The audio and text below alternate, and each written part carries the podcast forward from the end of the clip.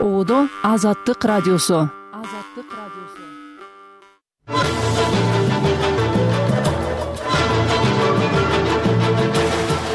саламатсызбы жарым сааттык программанын мазмуну. Бийликтин жигердүү колдоочусу экени айтылган жарандын алдамчылыкка шектелип кармалышы өкмөтчүл активисттердин жоопкерчилиги тууралуу маселени күн тартибине чыгарды мен бекзатты же болбосо башка бирөөнү актайын деген оюм жок. Тергөө текшерсин сот карасын адилеттүү чечим чыгарсын орусиянын одессадагы чабуулунда он киши набыт болду арасында наристелер да бар.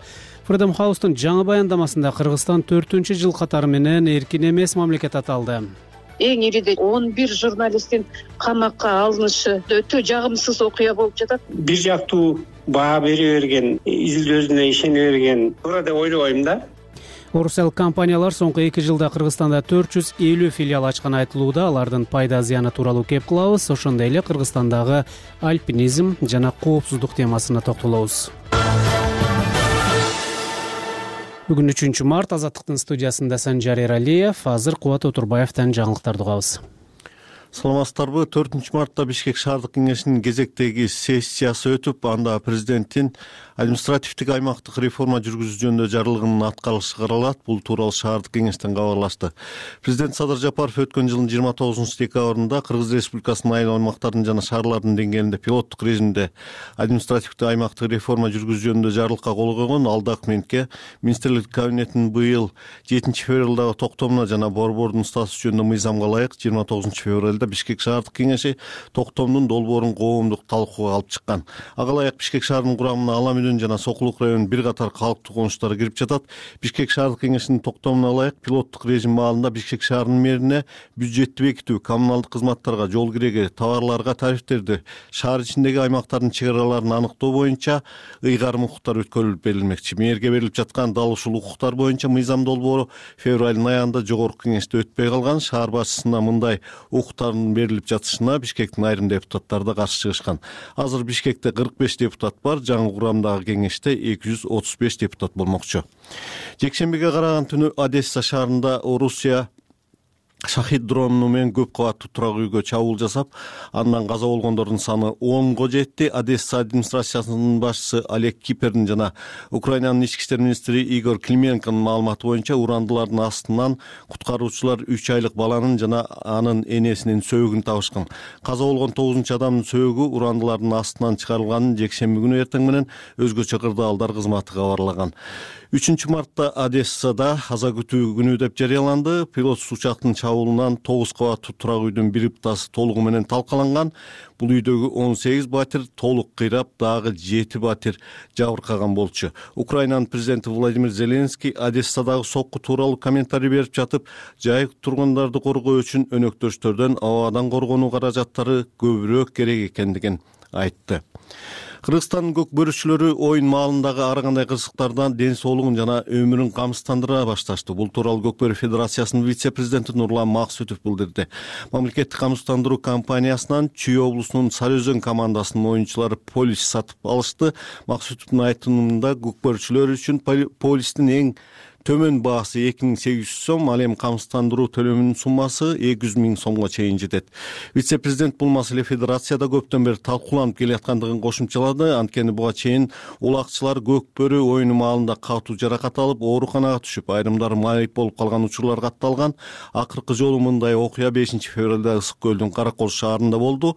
Көк бөрү боюнча облустук мелдештин жүрүшүндө жыйырма төрт жаштагы улакчы башынан катуу жаракат алып комага түшкөн кыргызстандын тышкы иштер министри жээнбек кулубаев анталия шаарында түрк мамлекеттер уюму жыйырма биринчи кылымда форумунун алкагында орусиянын тышкы иштер министри сергей лавров менен жолукту орусиянын тышкы иштер министрлигинин маалыматы боюнча министрлер эки тараптуу мамилелердин абалын жана келечегин евразия мейкиндигиндеги биргелешкен уюмдардын алкагында орусия менен кыргызстандын өз ара аракеттенүү маселелерин талкуулап эл аралык жана аймактык эң актуалдуу көйгөйлөр боюнча пикир алмашты.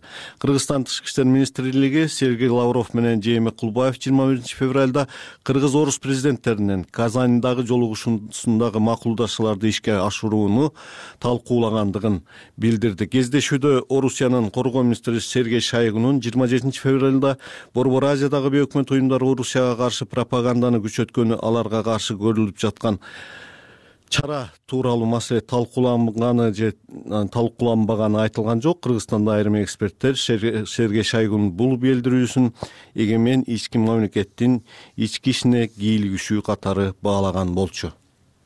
Рахмат кубат оторбаевден уктуңуз жаңылыктарды кабар макалалардын толук топтому сайтыбызда дареги азаттык чекит орг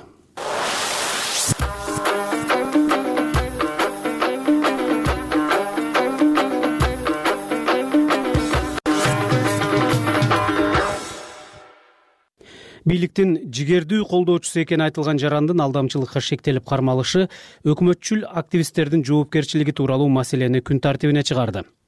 Бишкек шаарынын биринчи май райондук ички иштер бөлүмү алдамчылыкка шек санап кармаган отуз эки жаштагы жаран бекзат өмүрбеков экени айтылууда. Расмий маалыматта шектүүнүн аты жөнү аталбай ө б деген инициал менен берилген кылмыш жаза кодексинин эки жүз тогузунчу беренесинин негизинде кылмыш иши козголуп убактылуу кармоочу жайга киргизилген. Бул берене алдамчылык деп аталат. Интернет колдонуучулар кармалган адам бекзат өмүрбеков экенин белгилешкени менен милиция тастыктаган да четке каккан да жок. Ошол эле учурда ички иштер министрлиги шектүүнүн көзү гана кара сызык менен жабылган сүрөтүн да жарыялаган. Азаттык өмүрбековго же анын жакындарына байланыша албады экинчи мартта таратылган кабарда шектүүлөр эки киши экени маалымдалган. Экинчиси кармалып же кармалбаганы тууралуу эч нерсе айтылган эмес. Иштин баштапкы версиясына ылайык алар жергиликтүү тургундардын бирине жетекчилик кызматка ишке орноштурууга убада берип элүү миң доллар акча алган. Милиция шектүүлөр өздөрүн өлкө жетекчилиги менен байланышы бар деп тааныштырганын белгилейт. Жабырлануучу арызды эки миң жыйырма үчүнчү жылдын жыйырма биринчи июнунда жазган юрист замир жошев ушунча убакыт шектүүлөрдүн кармалбай жүрүшү суроо жаратып жатканын билдирди. Ал же милицияны да бийликтин жогору жагында байланышым бар деп коркутуп келди же милиция сегиз ай бою иштебеди деген пикирин фейсбукка жазды. Бекзат өмүрбеков интернет платформаларда азыркы бийликтин жигердүү колдоочусу катары таанымал. Айрымдар аны өкмөткө сын пикир айткандардын аяосуз каралоочусу катары да сыпатташат жогорку кеңештин мурдагы депутаты оразайым нарматова анын каралоосуна кабылганын белгилеп дүйшөмбү күнү үстүнөн арыз жазаарын маалымдады. Ошондой эле шектүүдөн жабыр тарткан кишилерди чогуу арыз жазууга чакырды. Журналист канышай мамыркулова бул окуя өзүн бийликчил көрсөткөн көптөгөн активисттерге сабак болушу керек деп эсептейт. Эгерде алдамчылыкка жол берилип ушундай кылмыш ишин кылган болсо чынында эгерде анын кармалышы э, мыйзам мыйзамдуу болсо албетте бул эми бийликке баягы жакшы атап келбесе дагы мындай бир жактуу карабайт экен баарына тегиз карайт экен дегендендүү элдин арасында баягы жакшы пикирди калыптандырышы мүмкүн да бул оңдуу пикирлерди акыркы күндөрү бир топ киши айтып жатат. Министрлер кабинетинин төрагасынын орун басары эдил байсалов аларга жооп катары калыстык үчүн бийликке да туура баа берилиши керектигин белгиледи. Жакындыгына карабай күнөөлүү болсо жазасын тартсын деген акыйкаттык. Мурдагы жетишкендиктерге карабастан эч ким кол тийбес эмес деген саясат деп жазды ал фейсбуктагы расмий баракчасына ал эми укук коргоочу азиза абдирасулова маселенин башка тарабына көңүл бурууда. Ал акыркы кездери күч органдары кайсы бир кылмышка шек саналып кармалгандардын күнөөсү сотто далилденгенге чейин эле сүрөтүн таратып жатканын адам укугунун одоно бузулушу деп эсептейт. Биринчиден ал кармалган э, адамдын э, али күнөөсү далилденген жок. Ал кылмыш жасадыбы жасабадыбы билбейт коомчулук. Экинчиден коомго алдын ала ошол пикир таңууланып калат. Бул кеп бекзатта эмес балким анын күнөөсү бардыр. Мен бекзатты же болбосо башка бирөөнү актайын деген оюм жок.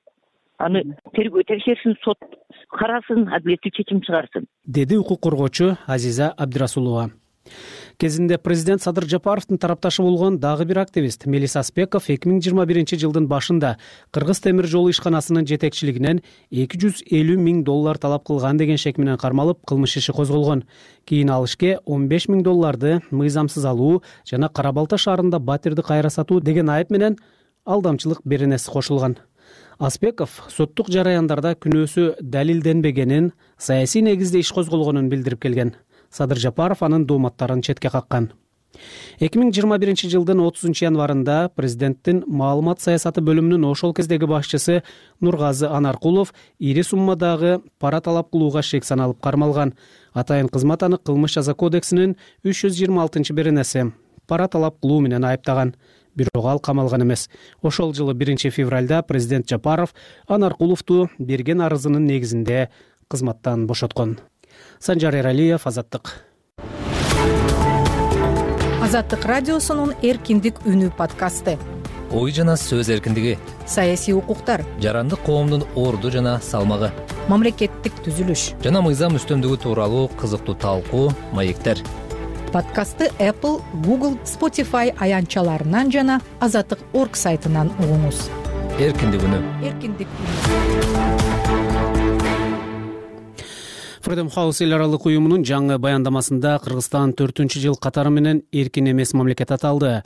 Баяндама ушул тапта өлкөдө он үч э, он бир журналист камалган клоп сайты бөгөттөлгөн жыйырма төрт kg агенттигинин кеңсесине мөөр басылган учурга туш келди. Мындан сырткары өлкөдө бир нече оппозициячыл саясатчылар камакка алынып сот жараяндары жүрүп жатат. Кыргыз бийлиги өлкөдө сөз эркиндиги бар экенин жана аны коргой турганын кайталап келет.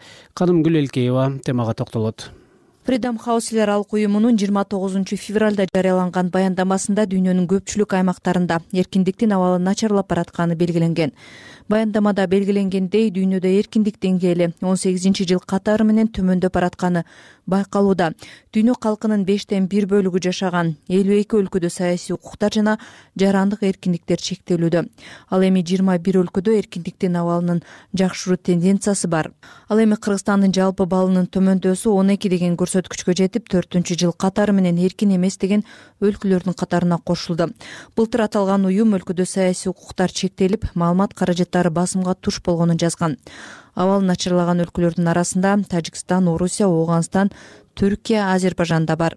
Фредом хаус уюмунун бул баяндамасы кыргызстанда он бир журналист камалып социалдык тармактарга пикирин эркин билдирген блогер активисттер суракка чакырылып айрым эркин медианын ишине чектөө киргизилип жаткан учурга туш келди.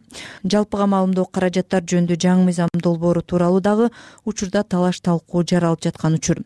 Мындан сырткары бийликке сын айткан ондогон саясатчылар камакка алынды медиа эксперт гүлзада медералиева сөз эркиндиги жаатында өлкөдөгү абал жыл сайын начарлап баратканын айтып эркин ой жүгүрткөн адамдарды камоо менен элди коркутуу мүмкүн эмес экенин белгиледи. Тилекке каршы ушинтип эле биз улам төмөндөгөндөн төмөндөп эле баратабыз эң ириде он бир журналисттин камакка алынышы өтө жагымсыз окуя болуп жатат. Мындан тышкары олжобай шакир э, деги эле ушу эркинирээк ой жүгүрткөн адамдын баардыгын эле камай берсе бул эмнеге барат? Бул жакшы көрүнүш эмес мынтип отурсак түркмөнстанга баратабыз. Кыргыз эзелтеден эркиндикти сүйгөн калк бул ушинтип эле кете берет деп балким бийлик өкүлдөрү ойлоп жаткандыр бирок андай болбойт. Бир күнү эле тарс этип жарылып калышы мүмкүн андай болбой эле койсун. Бирок ошого өздөрү алып барып жаткандай болуп жатат да. Кыргыз туусу басылмасынын редактору мырзакат ыналиев өлкөдөгү сөз эркиндиги жана фридом хаус уюмунун баяндамасы тууралуу комментарий берип журналисттердин арасында кээде аша чапкан учурлар бар деген пикирин айтты. Абсолюттуу эркиндик акшнын өзүндө деле жок болсо керек. Белгилүү бир нерселерге мыйзам менен чектөө коюлган учурлар бар да. Мунун деле мындай бир жактуу баа бере берген изилдөөсүнө ишене берген. Туура деп ойлобойм да акыркы инстанцияда чындык деп кабыл алганга болбойт да. Мисалы мамлекеттин коопсуздугу баягы адамдын жеке турмушу диний темалар чектен чыкпай турган. Бизде баары эле чектен ашып кетпедиби буга чейин жогорку кеңештин депутаты элдар абакиров парламенттин жыйынында министрлер кабинети сунуштаган жалпыга маалымдоо каражаттары жөнүндө мыйзам долбоору тууралуу пикирин билдирип документти иштеп чыгууда ал элдин кирешесине экономикага кандай таасир берерин эске алууга чакырган. Ошондой эле сөз эркиндиги коррупцияга каршы негизги курал экенин айткан.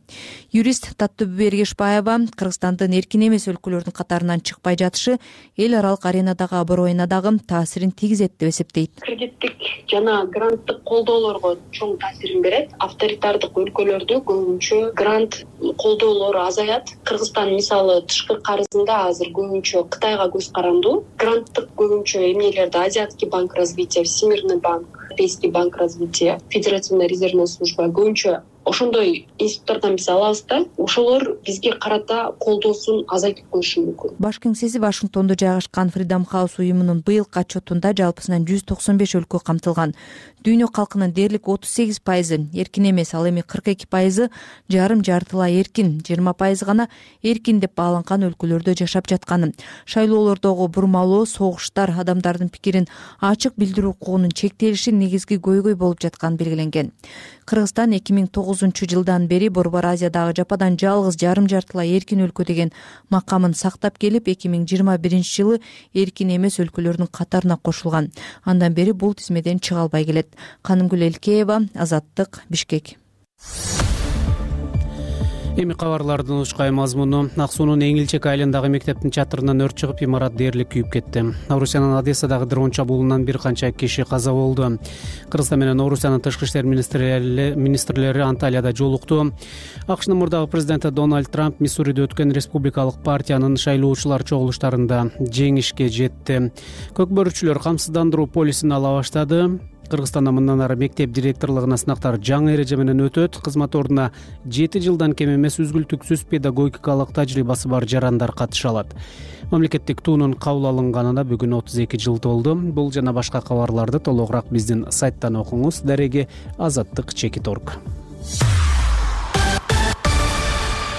студияда санжар эралиев уктурууну улантабыз. Украинанын одесса шаарында орус күчтөрүнүн дрон чабуулунан набыт болгон тургундардын саны он кишиге жетти. Алардын арасында төрт жана сегиз айлык эки ымыркай ошондой эле үч жашка чыга элек наристе бар.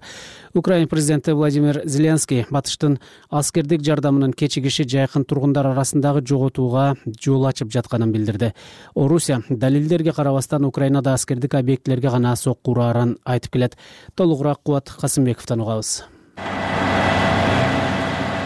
жекшемби күнү украинанын одесса шаарындагы бир тарабы кыйрап калган тогуз кабаттуу үйдүн урандыларынын алынан дагы эки кишинин сөөгү табылды украинанын өзгөчө кырдаалдар министрлиги алар сегиз айлык ымыркай жана анын апасы экенин билдирди. Апасы сегиз айлык ымыркайын калкалоого аракет кылган коргогусу келген. Аларды бекем кучакташкан абалда табышты деп айтылат билдирүүдө муну менен орус күчтөрү ишембиге огон түнү учурган шахид дрондорунан шаарда он жайкын тургундун анын ичинде үч наристенин өмүрү кыйылды буга чейин украин бийлиги одессадагы чабуулда өлгөндөрдүн арасында марк аттуу үч жашка чыга элек наристе жана тимофей аттуу төрт айлык ымыркай бар экенин ырастаган. Тимофей менен кошо анын апасы анна гайдажинин сөөгү да урандылардын алдынан чыгарылган маркум келиндин иниси андрейдин айтымында эжеси ымыркай менен көп кабаттуу үйдүн кыйрап калган бурчундагы уктоочу бөлмөдө жаткан жана жездеси сергей гайдаржи кызы менен качып чыгууга үлгүргөн ал кантип чыкканын деле эстей албайт. Кызын колуна алган бойдон сыртка чуркап чыгыптыр. Анан кайра кайтып барып уктоочу бөлмөнүн эшигин ачса бөлмөнүн эч жери калбаптыр деп айтып берди андрей франц пресс агенттигине. Украин президентинин балдар укугу боюнча мурдагы атайын өкүлү николай кулеба анна гайдаржинин ымыркай менен түшкөн сүрөтүн жарыялап энесинин койнунда тынч уктап жаткан төрт айлык ымыркайдын сөөгү табылды деп жазды шаар бийлигинин маалыматы боюнча чабуулдан тогуз кабаттуу үйдөгү он сегиз батир толугу менен кыйрап жети батирге зыян келген. Бул чабуулдан кийин жекшембиде одесса облусунда жана одесса шаарында аза күтүү күнү жарыяланды. Жергиликтүү бийлик урандылардын алдында дагы бир нече адамдын сөөгү болушу мүмкүн деп болжоп жатат одессадан тышкары орус күчтөрүнүн экинчи марттагы дрон чабуулдарынан харьков жана николаев шаарларында үч кишинин өмүрү кыйылды орусия украинадагы жайкын тургундардын өлүмү тууралуу үн каткан жок. Орус бийлиги далилдерге карабастан украинада аскердик объектилерди гана бутагаларын билдирип келет. Украин президенти владимир зеленский одессадагы кандуу чабуулдан кийинки билдирүүсүндө батыштын жардамы кечиккендиктен жайкын тургундар арасындагы жоготуулар көбөйүп жатканын белгиледи свит знает что можно противоставить террор дүйнө террорго каршы турса болоорун билет.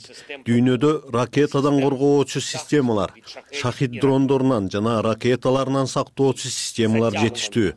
Украинага курал жаракты. Биздин элди коргоо үчүн зарыл болгон ракета системаларын кечиктирүү тилекке каршы ушундай жоготууларга жана орусиянын колунан өлгөн балдардын тизмесинин туруктуу түрдө көбөйүшүнө жол ачууда. Украина не просила ничего больше. Деген зеленский украина батыштан адам өмүрлөрүн сактоо үчүн зарыл болгон гана аскердик жардамды сурап жатканын жайкын тургундардын өмүрү кыйылып жаткан маалда украинанын өнөктөштөрү ички саясий оюндар жана талкуулар менен алектенип жатканын белгиледи. Ошондой эле украинанын коргонуу жөндөмүн аксаткан бул аракеттерди унутуу мүмкүн эмес дүйнө да эстен чыгарбайт деп айтты. Бул сөзү менен зеленский кошмо штаттардагы украинага аскердик жардам көрсөтүү маселесине байланыштуу талаш талкууларды ишарат кылгандай болду. Учурда акш өкмөтүнүн алтымыш миллиард доллардык жардам пакети конгрессте мунаса табылбай жатканына байланыштуу украинага берилбей турат. Киевдин жардамды тездетүү чакырыгы жана жайкын тургундардын өмүрүн алган чабуулдар орусия фронтто украин күчтөрүнө басымды күчөтүүгө аракет кылып жаткан мезгилге туш келди. Өткөн айда орус күчтөрү донецк облусундагы авдеевка шаарына орноткон. Алар соңку күндөрү авдеевкага тушташ бир нече майда кыштактарды да ээлеп батышты көздөй жылууга аракет кылып жатат. Орусиянын коргоо министрлиги үчүнчү марттагы билдирүүсүндө орус күчтөрү донецк облусунда ыңгайлуу позицияларды ээлеп жатканын белгиледи. Дем алыш күндөрү орусиянын аймактары да учкучсуз учуучу аппараттардын чабуулдарына туш болду. Экинчи мартка караган түнү санкт петербург шаарындагы турак жайга кулаган дрон алты кишини жарадар кылганы кабарланды. Кубат касымбеков азаттык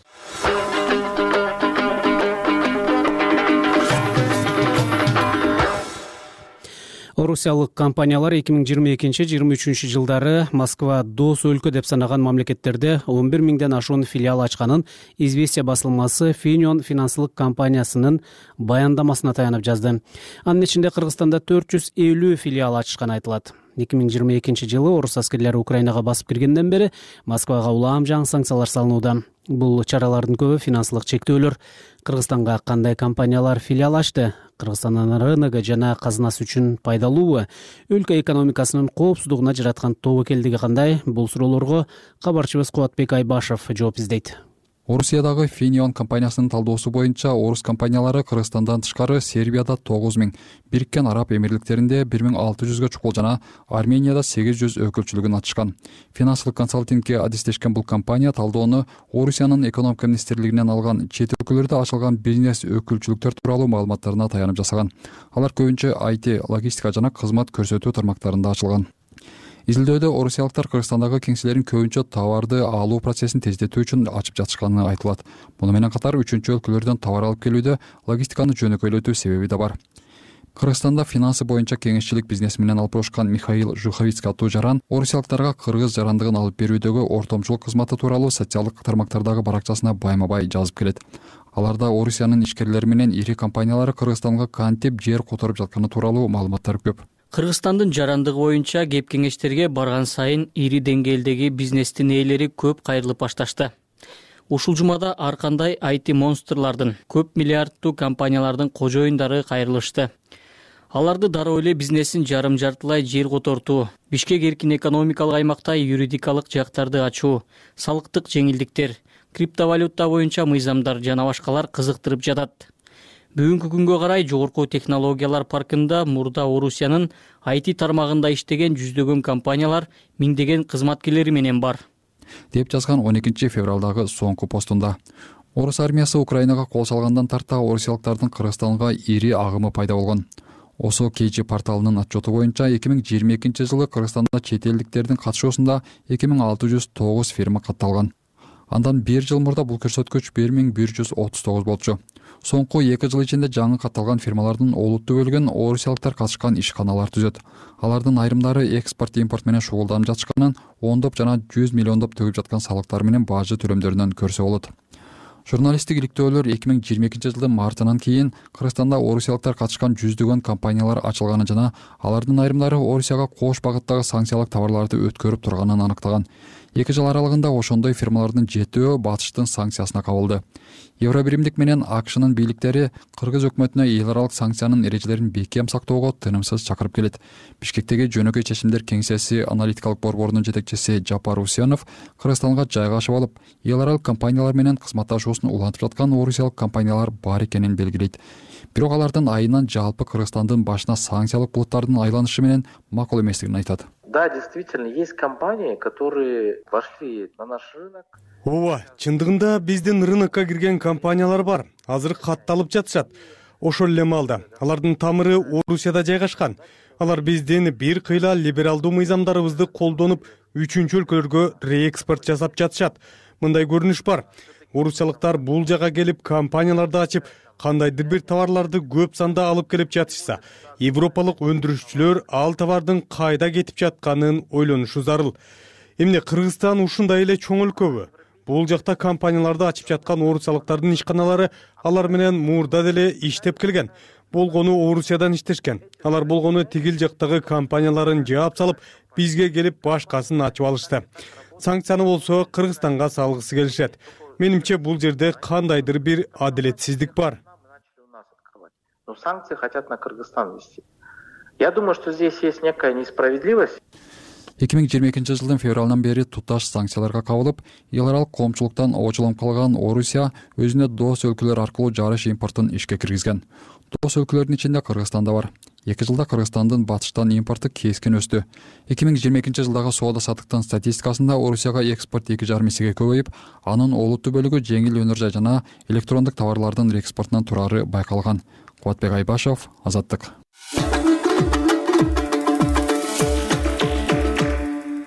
Кыргызстандын бийик тоолору дүйнөдөгү альпинизм менен машыккан спортчуларды кызыктырган багыттардын бири. Жыл сайын ондогон альпинисттер өлкөгө келет. Ошол эле маалда кырсыкка кабылгандар бар. Өткөн аптада эле баткенде орусиялык альпинист даянсыз жоголуп кийин сөөгү табылды. Экстремалдык спорт үчүн кыргызстандагы шарттар кандай коопсуздук маселеси кантип чечилет жана куткаруу кызматтарынын иш аракети жөнүндө алдыда сөз кылабыз. Аны канымгүл элкеева даярдаган.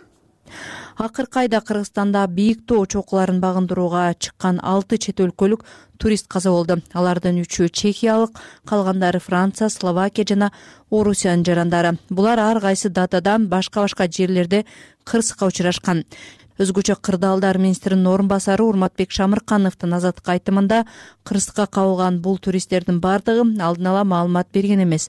Алардын камсыздандыруусу жок болгондугуна байланыштуу мекеменин тик учагы дагы куткаруу иштерине катыша албай жатканын белгиледи. Баардык туристтер морике келген туристтер белгиленген тарифте биздин башкармалыктарга баягы эмеге регистрацияга турушкан эмес. Э, ошондой эле туризм департаментине дагы ошол эле учетко турушкан эмес. Э, туристтик компания менен дагы келишимдери болгон эмес. Булардын страховкалары дагы жок. Өзүнүн эле жолдору менен келишип баягы жергиликтүү балдардан жалдап алышып эле жерди жалдап алышып эле анан кийин чыгып кетишкен да. Шамырканов тоо туризми өзгөчө альпинизм үчүн жолу тарткандардын алдын ала маалымат берүүсү ар кандай кырсыктардан алдын алаарын белгилеп жатат.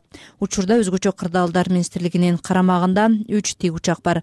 Алар куткаруу иштерине пайдаланылат ошондой туристтерди көздөгөн жерине жеткирүү кызматын аткарат. Мунун акысы саатына эки үч миң долларды түзөт. Кыргызстандагы спорттук туризм федерациясынын президенти владимир агафонов тоого чыгууну каалагандар барган сайын көбөйүп жатканын белгилөөдө ал куткаруу иштери чабал болуп жатканын айтууда спасатели мчс они не квалифицированы в горах. Для того чтобы спасать в горах нужно иметь постоянную өзгөчө кырдаалдар министрлигинин куткаруучулары тоолорго ылайык даярдалган эмес аларды климатка жараша чокуларга бара ала тургандай даярдаш керек. Каражаттын тартыштыгынан улам чокуларга чыга турган отряды жок. Алар көп учурда бийикте эмес түздө гана жардам бере алышат. Тоо туризминде ушундай учурлар катталып калган учурда биз деле ушундай тоого чыгып жүргөн досторубуздун альпинисттердин жардамына гана ишенебиз. Альпинистов туристов. Өлкө аймагында эң бийик деп саналган жети чоку бар. Жеңиш лелин чокусу тамдыкул семенов сабла кара кол жана жаман суу чокусу туризм департаменти жана альпинизм федерациясы барган сайын чет өлкөдөн келген туристтер өзгөчө альпинисттер көбөйгөнүн белгилеп жатат. Алардын так саны белгисиз. Федерациянын вице президенти илим карыпбеков бул кирешелүү тармак экенин белгилеп өкмөттү ага көңүл бурууга чакырды. Каар алдында көчкү алдында жаракаларга муздун жарыктарына түшүп кеткен ал жерде жоголуп кеткен тоңуп калган өлүп калган жаардан ашкадан кулап кеткендер буга чейин болуп келген мындан кийин дагы тилекке каршы боло берет экинчиден альпинизм деген туризмде өтө маанилүү орун ээлейт экен бул альпинизм дүйнөдө эң кымбат туризмдердин бири да. Альпинизмде жүргөндөрдүн көпчүлүгү басымдуу көпчүлүгү булар миллионер миллиардерлер болуп келет. Америкадан европадан келишет. Мисалы бир эле альпинист бери жагы эле он беш миң доллар коротот. Бир альпинист. Кышы жайы бою ушул бүт сезондор боло берет да мунун сезону жок. Ошондуктан бул түгөнбөс кең байлык да.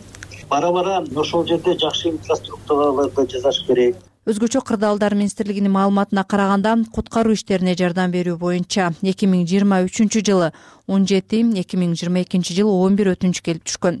Эки учурда ондой турист каза болгон алардын бешөөнүн жеңиш чокусунда сөөгү табылбай калган. Жыйырма бештейи куткарылган. Канымгүл элкеева азаттык бишкек. Ободо азаттык радиосу биз сизге күн сайын актуалдуу кабар макалаларды радио толкундарда жана интернет айдыңында сунуштайбыз. Таңкы жана кечки эфирлерди өнөктөш радиолордон тышкары ютубтагы азаттык деген каналдан угуңуз